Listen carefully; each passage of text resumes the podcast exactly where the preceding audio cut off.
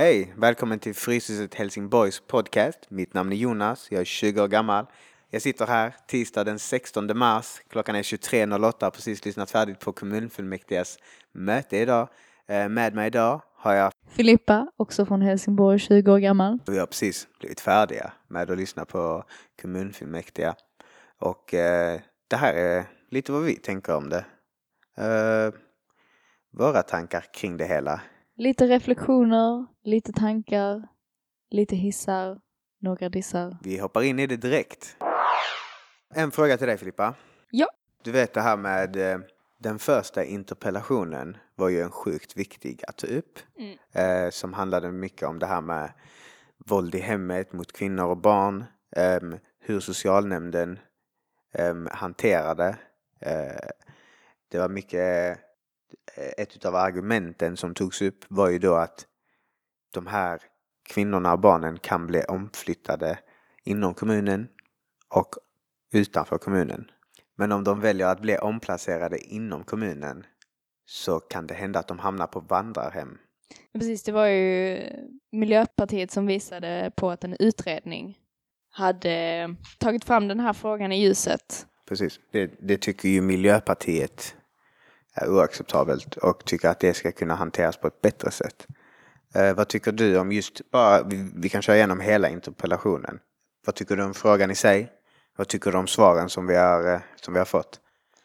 Jag tycker frågan är otroligt viktig och eh, bara så strukturellt sett så tycker jag också att eh, det var ett väldigt bra val att ha den här frågan i början, precis i början av kommunfullmäktige av det här megalånga mötet. Mm, mm. Jag tror också att, att det, det visar lite på hur viktigt kommunfullmäktige och kommunrådet tycker det är. Och de tar det väldigt allvarligt, därför tar man det i början. Där alla är fresh into it och, och, och det tycker jag är eh, otroligt kul att se. Eh, att de tar det så seriöst. Sofia Kamlund tog upp den här frågan och introducerade interpellationen, interpellationen, eh, och eh, tog upp rätt stå, slående fakta, till exempel som att en tredjedel av våldtäkter eh, skedde i hemmet eh, under förra året. Det här måste vi fact-checka. Men, eh, och att våldet konstant ökar och att det är många kvinnor som är i behov av geografiskt skydd eh, och inte bara stöd från socialnämnden utan att de faktiskt behöver ett nytt ställe att bo eh, såklart ehm, tillsammans med både psykologiskt och kanske fysiskt stöd Mm. från olika instanser. Ehm, och eh, någonting som hon eh, tog upp var ju då att många kvinnor, eh, eller att vissa kvinnor enligt kvinnojouren har tvingats att bo på vandrarhem eh, med sina barn etc. Och att detta absolut inte är någon hållbar lösning och att de måste hitta boende. Och ehm, jag tycker det är jättebra att den här frågan eh, får så mycket plats i, eh, i början av mötet. Eh, men jag tycker också, jag blev rätt förvånad faktiskt över det bemötandet som frågan fick av många partier och många ledamöter Mm. eh, som, ja men de gick in i något slags här självförsvar. Precis. Nej, socialnämnden har inte alls gjort någonting fel eh, våra, och försvarade sina tjänstemän, vilket jag nu har förstått efter att ha blivit mer investerad i hur det faktiskt fungerar Mm. är eh, att eh, det, det är så det funkar helt enkelt, att man måste försvara sina nämndemän då. Mm. Eh, men jag tycker faktiskt det är lite konstigt för att det blir ju inte, den får inte, den får bara tyngd av vissa personer i samtalet. Precis. Um, Kamlund gick ju direkt på Samuel Lindlia och, och eh, hans svar enligt mig var väldigt eh, tvetydigt. Ehm, så då tog hon chansen att, eh, för han sa ju Han sa det är svårt att göra en bedömning. Precis. Och då så upprepar hon sin fråga och eh, nästan kräver på ett sätt eh, ett mer eh, legitimt svar. Um, eh, där Lilja tycker att nuvarande jobb som utförs räcker och att det behöver innefattas mer kritik, att han måste få mer kritik Ehm, för att det ska föras vidare och att han ska sätta sig och ta en titt på det. Um, däremot så, så, har det ju pågått utredningar. Hon har fått uh, Sofia Kamlund tar ju då upp att hon har fått direkta uppgifter av uh, kvinnojouren i Helsingborg um, på hur det är. Um, och en, en, annan grej som hon lyfter upp där som jag tycker är väldigt viktig är att vi i kommunen har inget samarbete med kvinnojouren. Social, socialförvaltningen, socialnämnden har ingen, inget eh, direkt samarbete med dem. Ja precis, och annars hade ju den här frågan inte lyfts upp. Eh, det hade inte skrivits någon interpellation om det fanns ett samarbete redan. Och man tycker mm. att om man ska jobba förebyggande mm. så måste ju kommunen jobba i eh, tillsammans med mm. alla ideella organisationer, föreningar, mm. eh, jourer, mm. um, i det här fallet kvinnojouren. Mm. Uh, för att nå ut till medborgarna, för annars blir det liksom den här, den här diskrepansen eller det här gapet liksom mellan medborgarna och mellan, ja men mellan kommunen och medborgarna och alla de här eh, organisationerna som till exempel kvinnojouren når ju faktiskt ut och att kommunen skulle kunna dra stor nytta av det och få sin egen hjälp och sina egna insatser mm. att eh, nå ut till de som behöver hjälpen. Eh, och också få en mycket tydligare och klarare bild av vad som faktiskt sker, vad som faktiskt behövs så att de kan mm. fatta mer eh, tydliga och snabba beslut i kommunfullmäktige. Precis, precis. Uh, vi får ta och röra oss vidare från denna frågan. Um, dock så har jag en sista grej. Maria Winberg Nordström lyfter fram att en eventuell lösning skulle, ha, skulle vara att ha lägenheter lediga um, så som man har för arbetssökande och uh, nyanlända och så vidare. Um, som är uh, en väldigt, ja, jag tycker det är en ganska resonabel lösning. Absolut. Um, sen handlar det säkert också om uh, väldigt stora budgetfrågor som vi kanske inte kan ta del av här från Fryshuset sittande i soffan liksom. Uh, ja, jag tror detta, alltså absolut jag är för det här förslaget men det relaterar ju också till en större bostadskris i Helsingborg vilket eh, kanske har tagits upp i tidigare kommunfullmäktige, jag antar det. Mm. Men eh, ja, vi är ju medvetna om att eh, de som har pengar får en bostad. Så är det, så är det. Um, ska vi se. vi rör oss vidare här på listan. Uh, det var lite snack om H22. Lite snack om H22 var det. Mm. Um, vad vet du om H22? H22 är en stadsmässa. Helt enkelt en eh, stor fest för alla helsingborgare med gratis öl. Nej. Eh, men det ska helt enkelt vara visa, göra Helsingborg till en mer innovativ, smart stad. Och eh, de har ju en enorm budget som vi har fått reda på här i kommunfullmäktige. Precis, Hela precis. en kvarts miljard kronor som ska gå till att exponera del. staden på bästa vis. Och vart går de här pengarna egentligen till? Ja, precis. Um, Okej, okay, innan, innan kommunfullmäktige, eller innan, ja kommunfullmäktige idag, vad visste du om H22 då? Jag, jag bara sett på några posters around town. Mm. Du visste att det händer? Jag visste att det är en mässa, jag visste att det händer, jag visste att det handlar om att göra Helsingborg, eh, sätta Helsingborg på kartan helt enkelt. Precis. Det vi fick lyssna på idag var ju då att Danielsson, moderat, ehm, förklarar att det är pengar som vunnits av iCapital, tävlingen som de var med då i och kom tvåa, 100 000 euro, eh, drygt en miljon, eh, ska användas till en paviljong där de bästa städerna ska bjudas in Um, Bästa städerna i världen. Precis. Quote, precis. Peter Danielsson. Så, så det, det, är några saker som jag, som jag finner lite intressant med detta. Eh, ett, väldigt mycket pengar. Väldigt mycket pengar. En internationell paviljong ska detta användas till. Eh, med citattecken. Ehm, och där ska de bästa städerna i världen bjudas in. Ehm, för det första, vilka städer är de bästa städerna i världen och hur definieras det? Vem bestämmer det?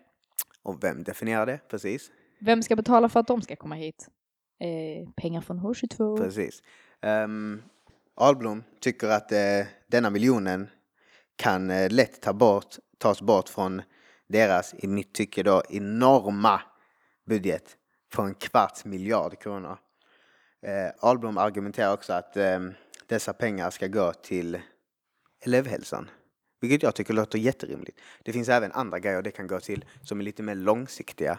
Um, men eh, dock så tycker jag att Ahlblom är nog mer på spåret än, eh, än Danielsson här. Eh, eh det var väldigt tvetydigt med det här bästa städerna och paviljongen och, och vad, vad betyder det? Var, var är vi? Alltså, ska vi få se alltså, verkligen projektplanen på detta eller eh, vad menas? För det första, det första som slår mig är att man i samband med att skära ner på kultur, på lokala aktörer, på lokala kulturutövare, samtidigt ska bjuda in kreatörer och innovatörer från hela världen att bygga en paviljong. För en miljon svenska kronor. Tänk så mycket den här miljonen hade kunnat göra för kultur i Helsingborg, För helsingborgarna. helsingborgares Precis. kultur. Kultur som jag väljer att fokusera på för tillfället. Ja. Eh, eftersom att det sker parallellt med den här härvan med att skära ner på bidrag till eh, studiecirklar och, eh, och annat. Mm, mm. Ehm, sen vad det betyder, ja det vet jag faktiskt inte riktigt. Ehm, Peter Danielsson hävdade ju att man kan gå in på innovation.helsingborg.se där det ska helt transparent finnas eh, olika projektplaner och eh, information om projekten som ska utövas Mm. eh, under H22. Eh, så det ska bli spännande att se exakt hur det här Expo-projektet kommer, kommer ros i hamn. Eh, om inte vi som medborgare lyckas sätta stopp för det innan det ens rullas ut. nej, nej, Ehm. men absolut. Och sen tycker jag också alltså, att det är väldigt... Eh, alltså H22, det är ju det är en stor grej i Helsingborg. Absolut. Eh, det är en stor del av vår historia i Helsingborg. Ehm, vi har haft stadsmässor förut, det är inte den första. Eh, det här blir nog den största. Ehm, eh, av dessa 250 miljonerna eh, går 118 till bara att bygga upp stadsmässan. Då är det projektledare, det är Anställda. anställda, löner, allt detta. Och det är ju Ehm. bra. Det skapar ju, Absolut. Eller ja, både ja och nej. Både ja och nej På ett skulle jag sätt säga. är det ju bra för det, ans- det skapar jobbmöjligheter för folk inom Mm. kommunen. Visst, visst. Men istället för att främja den kultur Helsingborg har och eh, kämpa på med den så lägger vi extremt ofantligt mycket pengar på att göra något som bara kommer att kommas ihåg som ett ögonblick. Eh, ett ganska stort ögonblick säkerligen. Eh, det, det, det tvivlar vi inte på men vi hade lätt eh, enligt mig kunnat bygga på något mer långsiktigt eh, sätta det lite mer i händerna av befolkningen. Ja, precis. Och att använda de projekten som redan finns inom Helsingborg, som redan är uppstartade, som behöver mer, mer eld eller mer ved till Precis, elden helt precis. enkelt och som kan fortsätta efter Mm. H22, som, Mm. kan, eh, som kan påverka staden och eh, påverka oss Mm. eh, under en mer långsiktig period. Ehm, och, då, och det är ju allt från eh, liksom kulturutövare till ehm, människor som jobbar i, eh, med olika samhällsinsatser. Mm. på vissa sätt. Mm. Ehm, så alla möjliga delar av samhället. Jag tycker det finns mycket rum för, eh, som du säger, både det som har etablerat sig och folk i Helsingborg som eh, vill etablera sig. Ehm, ja, vi kan, vi kan gå vidare från denna frågan. Vi ska inte fastna för mycket för det heller. Men som sagt, vi har våra reservationer för vissa delar eh, av H22 eller hur budgeten ses på. Det har vi. Det har vi absolut. Okej. Vänstern vill införa en visselblåsaroperation. Visselblåsare. Eh. Vänstern vill... Vänstern vill införa en visselblåsaroperation. Varför en stor suck på den Jonas? Ehm, Okej, för alla er som inte hänger med. En visselblåsarfunktion innebär alltså att eh, alla som jobbar i offentlig sektor inom, i Helsingborg, alltså för staden eller kommunen, kommunen, statligt ägda företag.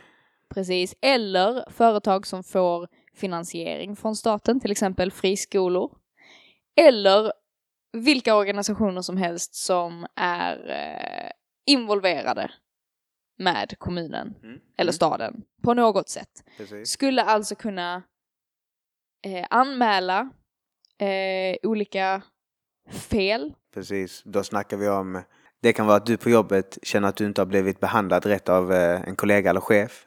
Det kan vara sexuella ofredanden. Det kan vara att eh, du ser någon ta mutor eller eh, sniffar upp lite korruption. Ehm, visst? Sniffar upp lite annat.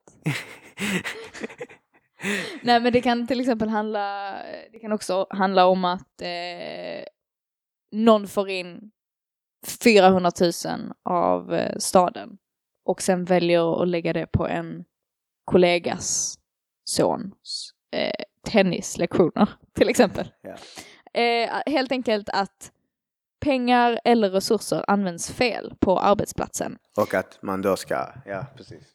Och detta ska man kunna anmäla till en extern enhet eh, och inte internt. Och anledningen eh, för detta är precis som Claudia från Vänsterpartiet lägger fram fint är att eh, maktmissbruk är faktiskt väldigt vanligt förekommande inom statliga och kommunala instanser och att eh, det finns mycket hierarki ehm, om du ska anmäla sådana här grejer till HR-avdelningen eller genom intranätportalen om du har ett kommunalt arbete eh, så jobbar de för samma chef och kommer hamna i kläm mellan chefen och organisationen och dig.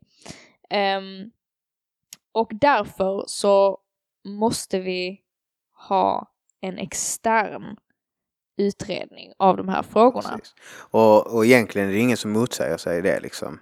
Alla är på samma, på samma nivå, att det, att det borde finnas. Ja, Ehm, ungefär. själva argumentet ligger väl någonstans i att vänstern, de vill att vi ska köra på, införa det direkt.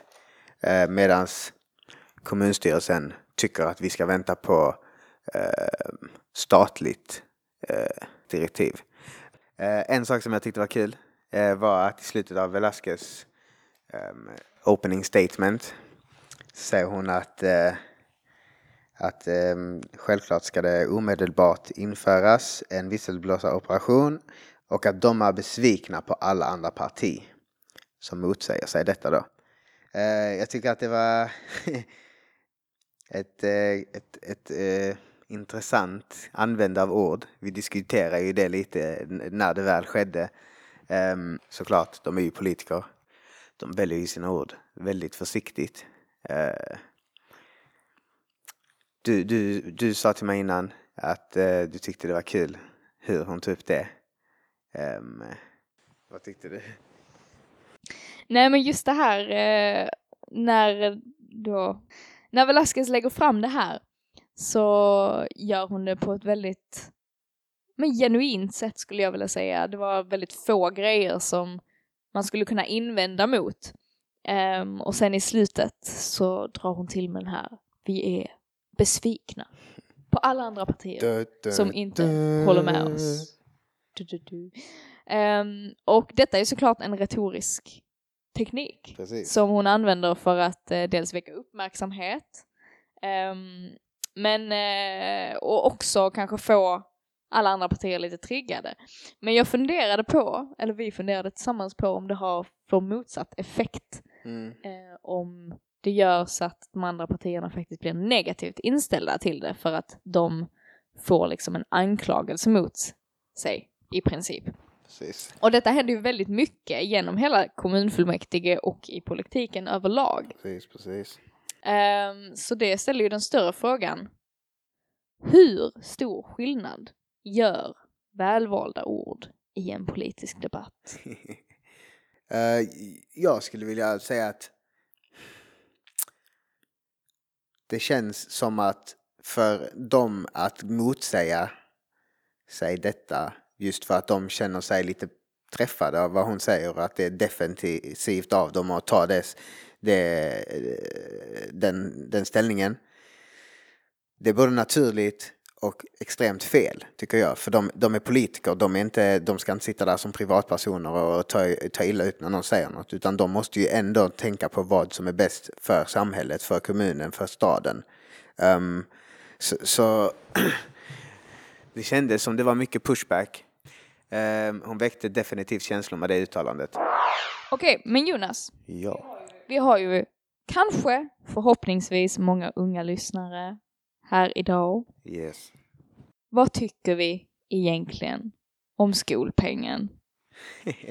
Eller rättare sagt, vad tycker vi om att kommunala skolor överlag får 50 miljoner mindre kronor om året i Helsingborg än friskolor för att de måste ta emot fler elever men inte får kompensation för detta ökade elevintaget eller beredskapen för att ta emot fler elever. Um, bara för att förklara det lite snabbt. Då är det ju så här att alla skolor får uh, lika mycket per elev medan friskolor har um, ett elevtak. De, de kan säga att vi vill ha 20 elever i varje klass och där vill vi nöja oss. Medan kommunala skolor, de måste ta in eleverna.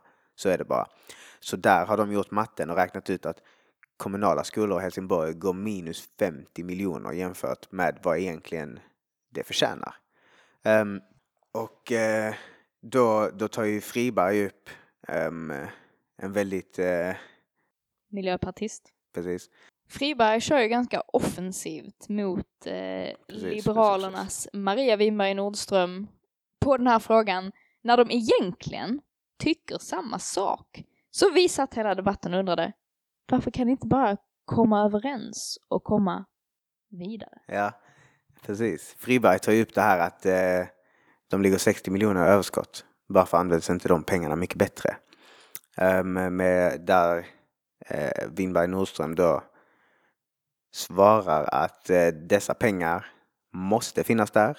Um, Ifall en skola till exempel stänger ner och massa elever behöver flyttas etc. Ifall en friskola skulle stängas ner eh, och massa elever skulle börja flyttas därifrån så måste de ju komma in på närmsta kommunala skola och då måste de pengarna kunna tillsättas där för att kunna ta emot de extra eleverna eh, till det. Och Peter från Vänsterpartiet tar ju faktiskt upp i den här frågan exemplet om den finska skolan. Och eh, varför vi kan inte, varför vi inte kan uppnå samma kvalitet där. Så det blir ju mer av en ideologisk debatt här. Eh, egentligen. En av de sista frågorna som lyftes i mötet idag var svar på motion om djurskydd. Oh, en fråga som ligger mig varmt om hjärtat. Precis, precis. Därför är du helt perfekt för denna frågan. Då var det då Sofia Kamlund som eh, tar upp eh, eh, denna frågan. Ehm, väldigt mycket handlade om skolans mat, ehm, vilket vi kommer att toucha på. Det handlade även om kravmärkta varor och cirkus. What? Cirkusdjur. en av hennes stora statement som jag skrev ner här som jag tyckte var fint var att barn får lära sig om, okej okay, det, här är ingen, det här är ingen quote, det här är inget citat, men hon sa något stil med att barn får lära sig om plantbaserad mat är viktigt för deras miljötänk. Um, och då tänkte jag tillbaka till när vi gick i skolan, eller när jag gick i skolan när jag var yngre. Uh, vi hade ingen vegetarisk mat i min skola. Um, Inte i min heller. Nej. Um, man kunde få i vissa tillfällen, men det var ju inte, alltså jag kunde inte be om vegetarisk mat utan det var tvunget att vara något medicinskt eller eh, religiös anledning för att man skulle ha det så. Um, nu så har vi ju infört att vi har en vegetarisk dag per eh, vecka i grundskolan och gymnasieskolan. Uh, men inte i förskolan, vilket Kamlund kämpar för att hon också vill införa. Ja, precis. Eller Miljöpartiet vill införa precis, i alla precis. fall. Ursäkta. Um, jag kommer ju faktiskt själv ihåg när jag var ungefär 13 och bestämde mig för att uh, sluta äta kött och uh, gick till ja, skolan och sa jag vill äta vegetariskt i skolan och fick kommentaren lilla gumman, jag tror att du måste gå till skolsköterskan och prata om vad som egentligen är viktigt att äta och vad som inte är viktigt att äta. Oj, fick du den? Jag fick den. Nej. Men som tur är så har ju skolan förändrats och det ska ju faktiskt enligt den här motionen finnas ett vegetariskt alternativ öppet för alla, alla dagar i veckan, vilket är ett stort steg framåt. Precis. Men hur ska man kunna lära hur ska man kunna äta vegetarisk mat i grundskolan om man inte blir introducerad till det i förskolan? förskolan. Väldigt bra poäng. Viktig poäng som eh, Miljöpartiet för fram här. Precis. Men sen tar ju debatten en väldigt konstig riktning. Vi snackar om att vurma för husdjur. um, ja, precis. Eh, om att vi måste vurma för våra husdjur som vi gjorde på stenåldern för att sen kunna döda dem och äta dem. I hmm. vintertider, precis. Jag undrar lite vad, den här, vad det här har att göra med. Uh, men du vet, typiskt pol politiskt snack där skulle jag vilja säga. Uh, däremot något som, uh, som du reagerade starkt på under debattens gång var att Björklund Hansson, vänstern, tycker att den nya normen, med citattecken där, är att äta vegetariskt i skolan. Um, och där röt du till Filippa och bara VA? Nej det är det inte alls! Vad tyckte du om det uttalandet? Nej men alltså att, att de på något sätt säger att det här är den nya normen och att därför behöver vi inte göra mer. Helt enkelt. Eller det var lite så jag uppfattade. Och jag menar ju istället då att man måste fokusera på att göra det till den nya normen. För det är faktiskt inte en norm att käka vegetariskt i skolan. Man får jättemycket opposition eh, från föräldrar, från olika lärare och pedagoger som är vana vid att äta kött fem, sju dagar i veckan, vad vet jag. Um, och, och att detta uh, är en stor, en, en stor grej helt enkelt. Och för att få fler att äta vegetariskt så måste man göra det lite till norm genom att till exempel införa mer än bara en vegetarisk dag i veckan, tycker jag. Och alltid ha till exempel salladsbuffé först, som många skolor har infört. Mm. Um, att alltid ha ett vegetariskt alternativ öppet för alla. Det var det som var en utav grejerna då, att uh, det inte finns eh, växtbaserad mat varje dag i skolan som ett alternativ. Um, att de fortfarande vill ha mat med eh, olika kött och fisk och grejer i, det köper jag men... Och mjölkprodukter. Precis. Um, att, men att inte ha växtbaserat som alternativ för det som vill ha det varje dag i skolan, det måste bli uh, det måste bli obligatoriskt. Absolut. Um, uh, krav, uh, det här kom fram också. An Andersson från Centern lägger fram att krav inte alltid är så bra som det låter. Just med att vi har eh, våra boskapsdjur ute. Ja, det är ju en stor debatt om det här med kravmärkning, mm. men jag tror att ja. det är nog bäst om alla erkänner att en kravmärkning är bättre än ingen märkning alls. um, det, det hon tog upp då, Andersson, var att, att uh, boskapsdjurens avföring innehåller så mycket kväve som uh, blir dåligt för miljön. Fast att boskapsdjur inte äter kravmärkt betyder inte att de slutar bajsa. jag har rätt i. Um, men jag tror hon syftar mer på uh, det här med frigående. Uh, istället för uh, att ha, så, som vi har nu, 2,5 miljoner grisar inomhus. Ah, 9 miljoner höns. Var ser vi dem ute på landsbygden? Ingenstans. Vi inomhus. är också mitt i en pandemi där många debatter och frågor om djurhållning tas upp. Hur nära har vi egentligen våra djur? Vi håller dem instängda i pytte, pytte, pyttesmå burar. Då är det ju klart att många sjukdomar sprider sig runt omkring. Precis. Då tycker jag att det är ganska groteskt att säga att vi borde inte ha kravmärkning för att om frigående höns bajsar kväve i jorden. Det är ju det som är det naturliga. Om vi vill ha mindre kväve borde vi ha mindre boskap. Sen så behöver ju våra växter också kväve för att växa så jag tror bara det kan tillföra. Eh, sen så svarar ju då eh, Kamlund och säger att självklart så tycker jag inte kravmärkt är perfekt. Det finns inget som är perfekt. Men eh, jag tror någonstans att hon menar att det är ju det mest humana och miljövänliga vi kan göra. Så varför skulle vi inte ta den utvägen? Så, så uppfattade jag det. Eh, om det är det hon menar så tycker jag att det låter väldigt rimligt faktiskt. Vi lever inte i en utopi liksom. Det går inte att allt är jättebra. Vi får ju jobba utifrån de ramarna som vi har. Precis, precis. Jag tyckte att eh, dagens kommunfullmäktige möte var um, ett, det, det, var intressant att se. Um, så många på ett Zoom-möte på en livestream och att det ändå gick ihop. Så det ska de faktiskt ha en liten eloge för. Um, vi har suttit här sedan klockan sex. Klockan är just nu, ska vi se, ska vi se, ska vi se. Ungefär klockan tolv. Mm. Um, mötet idag um, var faktiskt väldigt intressant. Alltså, det var så mycket som togs upp som man kanske inte, det är kanske inte grejer man läser i tidningen. Liksom. Eller har du några tankar liksom så? Vad tycker du? Alltså jag måste ju säga att jag är väldigt trött och eh, min hjärna bara spinner runt efter det här eh, otroligt långa kommunfullmäktige mötet.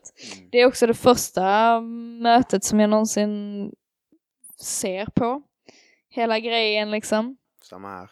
Eh, och eh, ja, man har fått lära sig en eh, del nya grejer. Till mm. exempel vad som är skillnaden på en interpellation och en motion. Mm. Interpellation är alltså en slags frågeställning till en nämnd eller en nämndeman. Och en motion är ett eh, förslag eh, som kan diskuteras. Jag kommer inte riktigt ihåg vem det var som sa det, men eh, ordet krångelheter är också definitivt någonting som jag kommer börja använda dagligen. Eh, jag har också skrivit här skära ner på katter. Men jag antar att det är jag som har skrivit fel. Skatter kanske? Skatter. Hmm. Uh, ja, om inte Men... det bevisar vad vi är i våra huvuden just nu så vet jag inte vad. Vi är lite här och där. Lite här och där, lite upp och ner.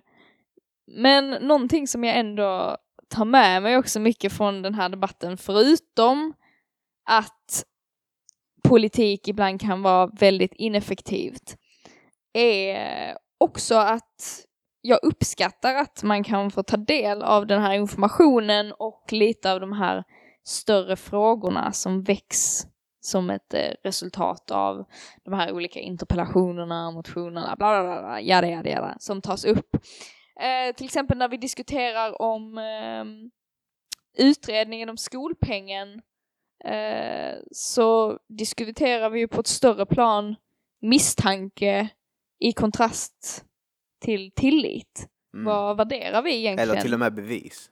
Eller bevis. Till och med alltså att, att de, eh, vem var det, Hansson, Pontus Hansson va? Från SD, som eh, går in och eh, eh hanterar sina misstankar, misstankar som, som, som bevis. Lite så istället för att där i den delen så har vi inte fått några bevis utan det, vi utgår ifrån granskningen som har gjorts.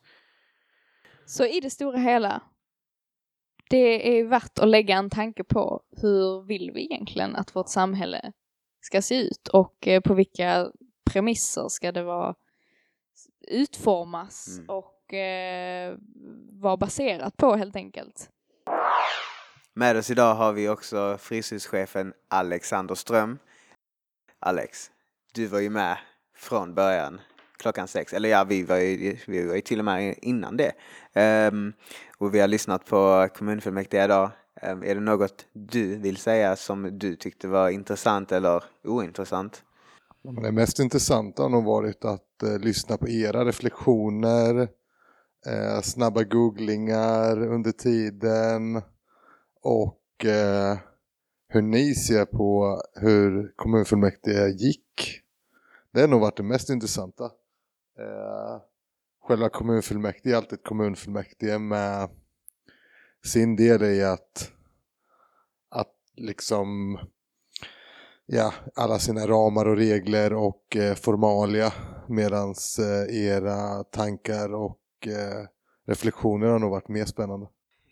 Ja, precis. Jag håller nog med där. Diskussionen som pågick utanför skärmen har ju lämnat mycket viktigare spår på något sätt än själva Zoom-samtalet. Eh, och det hjälper ju också oss att ta ut, eh, alltså ta med politiken på något sätt i våra vardagliga konversationer när vi hänger framför brasan eller vad som helst. Um, uh, och att, att kunna lyfta frågorna på ett uh, mindre politiskt så att säga, eller uppstyltat sätt uh, med folk som faktiskt berörs av det. För let's be real, hur många kollar på kommunfullmäktige? Vad var det? 11 personer? Ja, och sen när Marcus Friberg kom in med någonting där så var det 15 på Facebook. Så. 15, usch. Hitting those numbers. Alex, vad tror du, vad tror du att vi skulle kunna göra för att, eh, för att få fler unga? Eh, kanske genom Fryshuset, kanske genom andra organisationer eller på andra sätt. Eh, att bli mer eh, investerade i de beslut som fattas på kommunal nivå. Jag tror att eh, nu är klockan kvart i ett en tisdagkväll. Eh, nej, det är faktiskt onsdag. Ah, Men eh, det är väl en av sakerna att eh, på något sätt få, ett, eh, få mer stöd och hjälp i att följa ett kommunfullmäktige. Och kanske också på något sätt ha en eh, nedkortad ver- version som förmedlas ut på ett lite kanske annorlunda sätt än bara genom stadens hemsida. det är ju kanske lite vad detta är. Um, visst, vi går kanske inte igenom allt, men uh, du vet, allt kommer ju inte i tidningen imorgon och vem läser tidningen ens för den delen? uh, men sen så kan man ju lätt komma in på Fryshusets Spotify eller iTunes eller Apple Music, det finns överallt. Och bara lyssna på podden på vägen, eh, på vägen till skolan, på vägen till jobbet. Liksom jag tror ändå att eh, det här kan ju vara lite av, den, eh, av det forumet. Ja, men ja, du är något på spåren. Och eh, join us in the movement. Yes sir. oj, oj, oj, oj, oj. Det har varit en lång kväll. Det har det verkligen. Det som var bra var ju att vi fick lite käk här eh, med Fryshuset, så det tackar vi för såklart. Um, tack så mycket för att ni har lyssnat på oss här idag. Um, skulle ni vilja vara med själva och vara med och få er röst hörd, vara med i podcasten, dela era tankar, så är det bara att höra av sig till Fryshuset på Instagram. Vi har då eh, reflekterat så länge så att 16 mars har blivit 17 mars och med det så vill jag ta och sign off. Eh, mitt namn är Jonas. Tack så mycket för att ni har lyssnat idag. Och jag är Filippa. Tusen tack för att ni har tagit er tid att lyssna på oss. Vi ser fram emot att lyssna på er. Tack så mycket allihopa. Välkomna tillbaka nästa gång. Peace out!